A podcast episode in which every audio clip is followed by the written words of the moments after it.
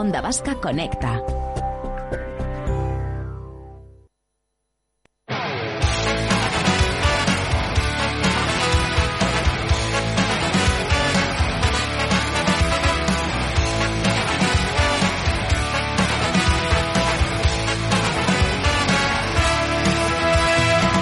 den aldatzeko inda, den aldaberritu, hauzolan azen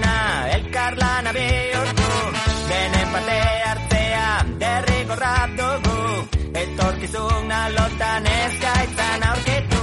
Norbanakoen bulkadaz, hasitako ura Orain herriak eman beharko du bultzada Ikastolen elkartean, dago sustraitua.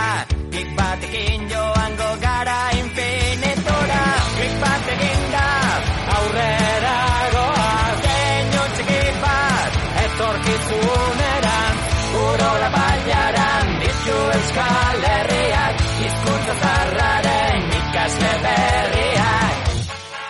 Eta gure saioa kalean hasiko dugu hain zuzen ere gaur bertan aurkeztu berri dutelako kilometroa jaialdia. Bertan gaia zuzenean jarretzen ari da gure ekidea Lide Alvarez, eguerdion, Lide. Bai, eguerdion, Maider, ba, hemen gaude eh, ikastolen etxean, kilometroa jaiaren xeetazunak eh, jakiteko, edo behintzat momentuz antolatu dana, eta horretarako nekane hartolarekin gaude, kilometroa kultur elkarteko ordezkariarekin, kaixo nekane, eguerdion. Kaixo, eguerdion. Bueno, aurtengo mezu nagusia, batasuna, bat erraldoi bat da, kilometroa jaiaren irudia. Bai, alaxe da. Egia da, e, aurtengo kilometroekin, e, hori irudikatu nahi dugula, ikastolen arteko batasuna, Euskal Herriko ikastolen arteko, ez, e, e, e, garen hori, ez, eta eta bai, eta horretarako ba, leloa e, aukeratu duguna ere aproposa da, dalako batera, bagara, bat gara.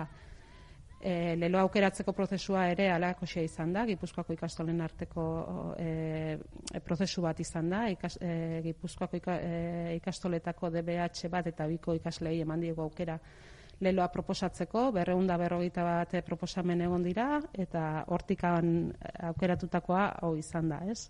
Batera, Gipuzkoako ikastole denak batera erantzungo diegulako aurtengoari, bagara, ba, gure izatearen aldarrekapena da, eta batasunaren ezinbestekotasun hori, eta bat gara, ba, herri bat garela, e, euskara garela, komunitate bat garela, e, erakutsi nahi dugu.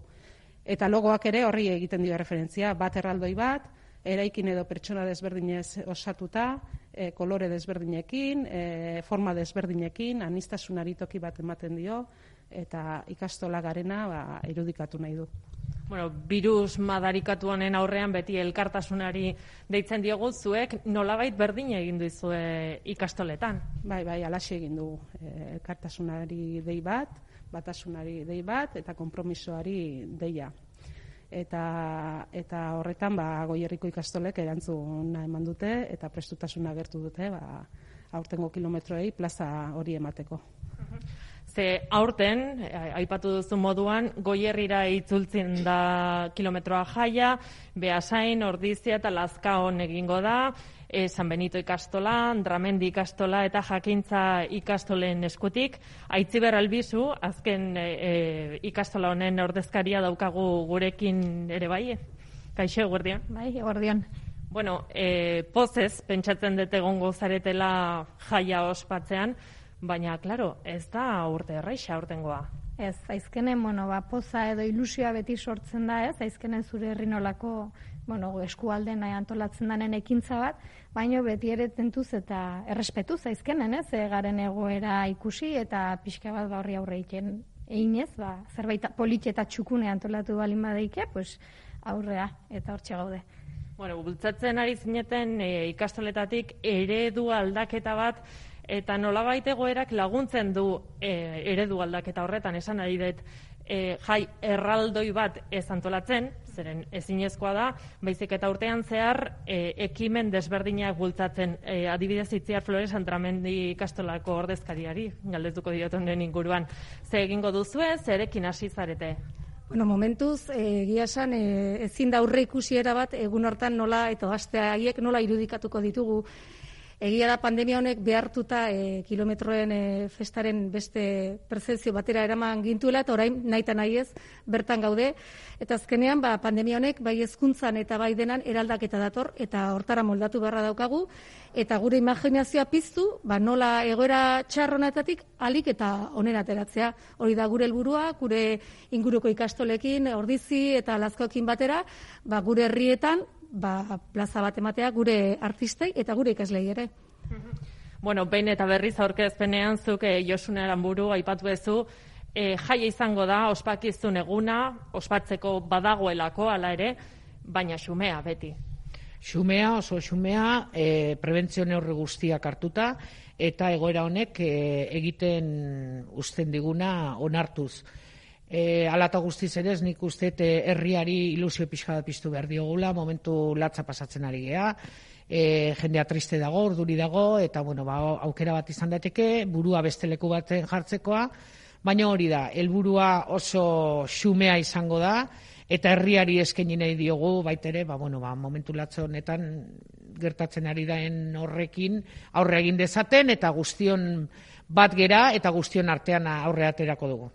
Beraz aurten ez da helburu handia jartzeko urtea, pentsatzen dut e, normalean bueno, e, jartzen dira helburu ekonomikoak edo obra bat bultzatu nahi dela eta zerbait finantzatu, aurten desberdina da ere hildo horretan. Bai, oso desberdina izango da, e, nahi deguna da helburua simboliko izatea, osea euskera eta euskal kultura e, horregotea, kilometroak e, bueno, ba, ez du zati konfinatu behar, e, agerian agertu behar du, berrogeita lau egin dira, goierrira hueltatu da, e, baino ez, helburu ekonomikoak ez, e, daukagunakin aurre egin behar dugu, ditugun baliabidekin, eta ez da urtea alako aleginak eskatzeko bueno, aurtengo egoera, bainat e, Petxa Roman, jakintza ikastolako ordiziko ordezkariari galdetuko diot momentu honetan, ikasleekin ere prestatzen ari zarete e, eredu berria zen, bueno, ez dakigu bihar non egongo garen, urriaren iruan kilometroak egunean non egongo garen jakitea zaila da. Bueno, bai, e, denodak egun bezala, ba, aurtengo egoera da dagoena ez da, Josunek eta, bueno, esan dute nere, nere ekidek esan dute, eta, bueno, ba, pixka bat begiratu behar dugu, begiratu behar dugu etorkizunera, baino, e, epe luzeko helburuk igual jarri gabe. E, pixka bat behar dugu, ba, egune, egunez egun, eta ikusten nola, nola dijon ba, egoeraren bilakaera. Eta, bueno, pixkanaka jungo gea, jungo gea ikusten, eta umeekin ere, ba, e, ekintzak ere pixkanaka joango dira ateratzen, eta pandemiaren, pandemiaren e, bilakaera ikusita, eh? nola joango da. Pandemia ikusita, eta nekane hartola, e, pandemiari ere euskaraz aurre egiten. Bai, noski euskara beti ardatz, bai gure jaian eta bai gure hezkuntza proiektuan eta eta horri ere ba, ba, protagonismo eman nahi diogu. Badakigulako egun e, bueno, euskararen egoera zein dan, kezka berezia dugu horretan eta eta bai, horre bultzada bat emateko aukera izugarria dago e, jai, jaiekin, bai kilometroekin eta bai beste beste jaiekin. Eta ilusioa ez da galtzen. Ilusioa ez da galtzen, ilusioa eta indarra badugu eta eta hori plazaratuko dugu. Eta egoera honetan nola lagundu ezakegu e, gainontzeko Gipuzkoarrok kilometro jai hau bultzatzen? Ba, ba egiten ditugun ekimen hoiek bultzatuz, bultzatuz, baina oso modu e, e, ez dut esango etxetik, baina tokatuko zaigu beste modu batera begiratzea kilometroei izan ere, ba, mugatuta gaude, orduan e, gainontzeko e, herritara, ba, ba, elkartasuna diraziz, euskeraz e, bizi zaldan neurrian eta eta ikastolen aldeko proiektuari ba, ba, ba, babesa emanez, babesa emanez. Eta jaiari begira, e, abestia eta izango dugu aurten ere? Bueno, hori e, oraindik ezin e, aurreratu eta e, hori etortzen bada aurrera etorriko da, datetan hurbilago gaudenean. Ba, oso ondo, ba, nekane hartola eta Andramendi ikastola, San Benito ikastola eta jegintza ikastolen ordezkariei mila esker gurekin izateagatik gaur ondo baskan. Eskerrik asko. Mila esker zuri. Aurrikastola Euskal